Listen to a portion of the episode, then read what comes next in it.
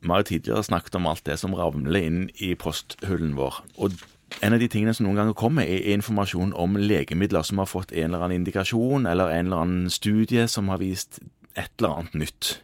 Og her eh, Det var vel ikke noe som ramla inn, men jeg fikk vite at det var en ny studie på dagaglifloksin. Dapaglyfrosin, tenker jeg vi sier. Dapa. Ja, glifloksin, ja. ja, Eh, det er en sånn XGLT2-hemmer. det er det. Ja. Eh, og de brukes jo mot eh, sånne type 2-diabetikere. Ja, ikke mot Nei, ikke mot. personene, men kanskje for å prøve å senke blodsukkeret hos Det dem. stemmer. Ja.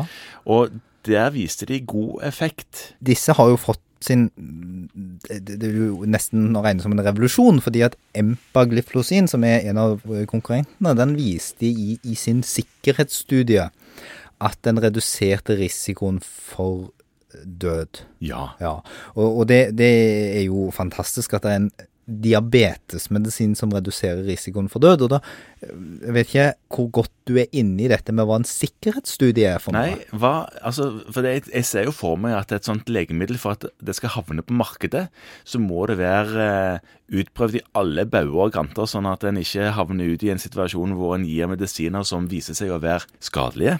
Ja, og, og det er bare delvis sant. fordi at når et medisin når markedet, så har det først og fremst vist effekt.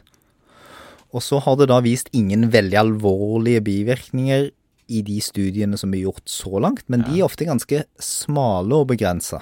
De studiene. Ja, fordi at ø, vi sier ofte at for å kunne være med i en sånn klinisk studie, så skal du være 5 av gruppa.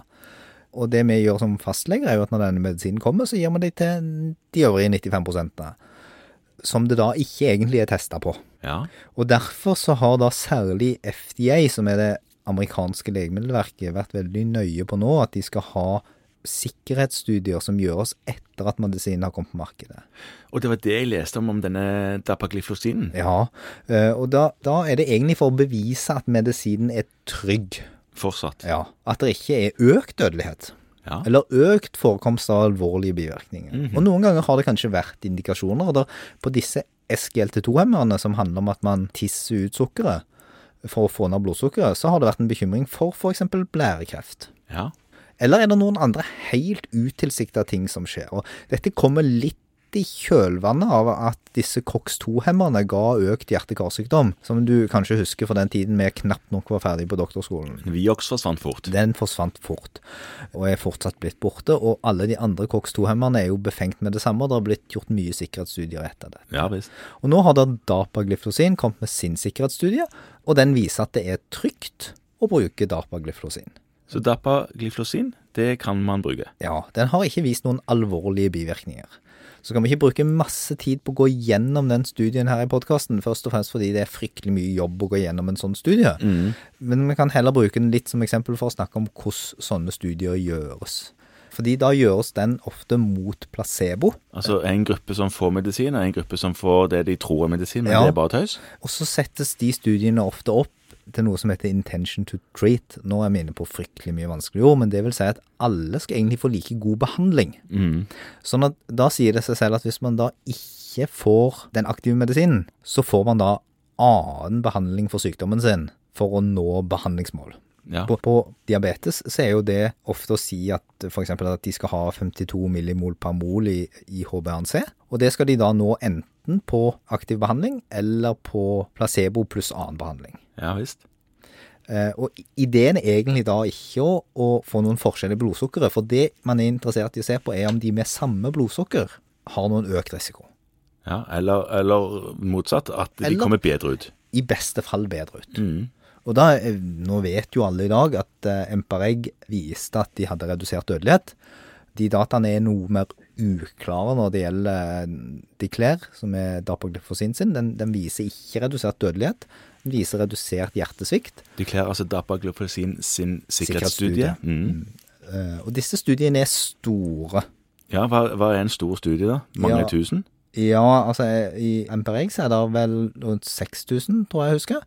For alle som nå sitter og vrir seg i stolene, har meg unnskyldt hvis det var veldig feil.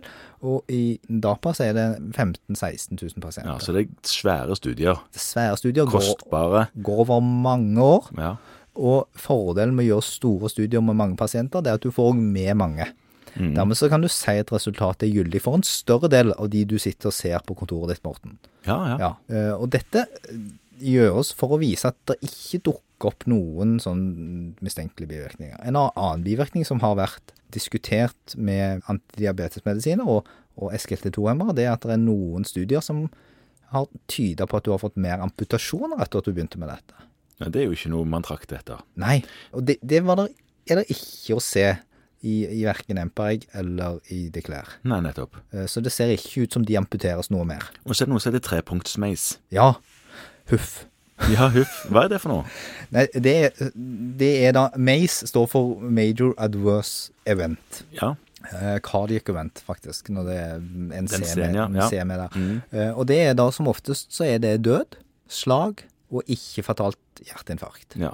Så teller man de tre, og så sier man at det er såkalt harde endepunkter. ja. Hvorfor de har blitt harde, det vet jeg ikke, men det, de er harde. Konkrete, på en måte. Mm. De er lette å telle, i hvert fall. Veldig lett å telle. Ja. Og det er ofte der man sier at når man har en effekt på trepunktsmeis, så har man en betydelig beskyttende effekt på kardiovaskulær sykdom. Men så finnes det en masse andre viktige endepunkter som man også må se på i sånne studier. Og det er jo f.eks. progresjon til nyresvikt eller hjertesvikt, Ja, som er ganske viktig hos diabetespasienter. visst. Og det blir en evig diskusjon som jeg tror ikke vi skal legge oss inn på verken her eller der. Hva er viktigst? Alt er viktig. Det aller viktigste er at medisinen er trygg. At du ikke påfører mer skade. Nettopp. Og det har vi sett før. altså Det har vært en svær diskusjon rundt noe som heter glittersoner, som nesten ikke brukes i Norge. Ja visst. Fordi det så ut som det kanskje økte hjertesviktforekomsten hos de pasientene som fikk det. Mm, det er òg en diabetesmedisin. Det er også en diabetesmedisin. Så derfor er sikkerhetsstudier viktig, og man skal lytte til dem når de kommer. Man skal lese all statistikk med et betydelig kritisk blikk, og ikke alltid stole blindt på hva folk sier. Men det som er viktig, er at de studiene først og fremst er designa for å si at noe er trygt å Ja. bruke Ja. og det er bra. Når det gjelder disse SGLT2-hemmerne, så har man ofte tenkt at det har noe med nyrene å gjøre. ja, de virker jo i nyrene. Det er jo natriumglukoseantiport. Kotransporter. Ja, unnskyld, kotransporter. Ja. Mm. Ja.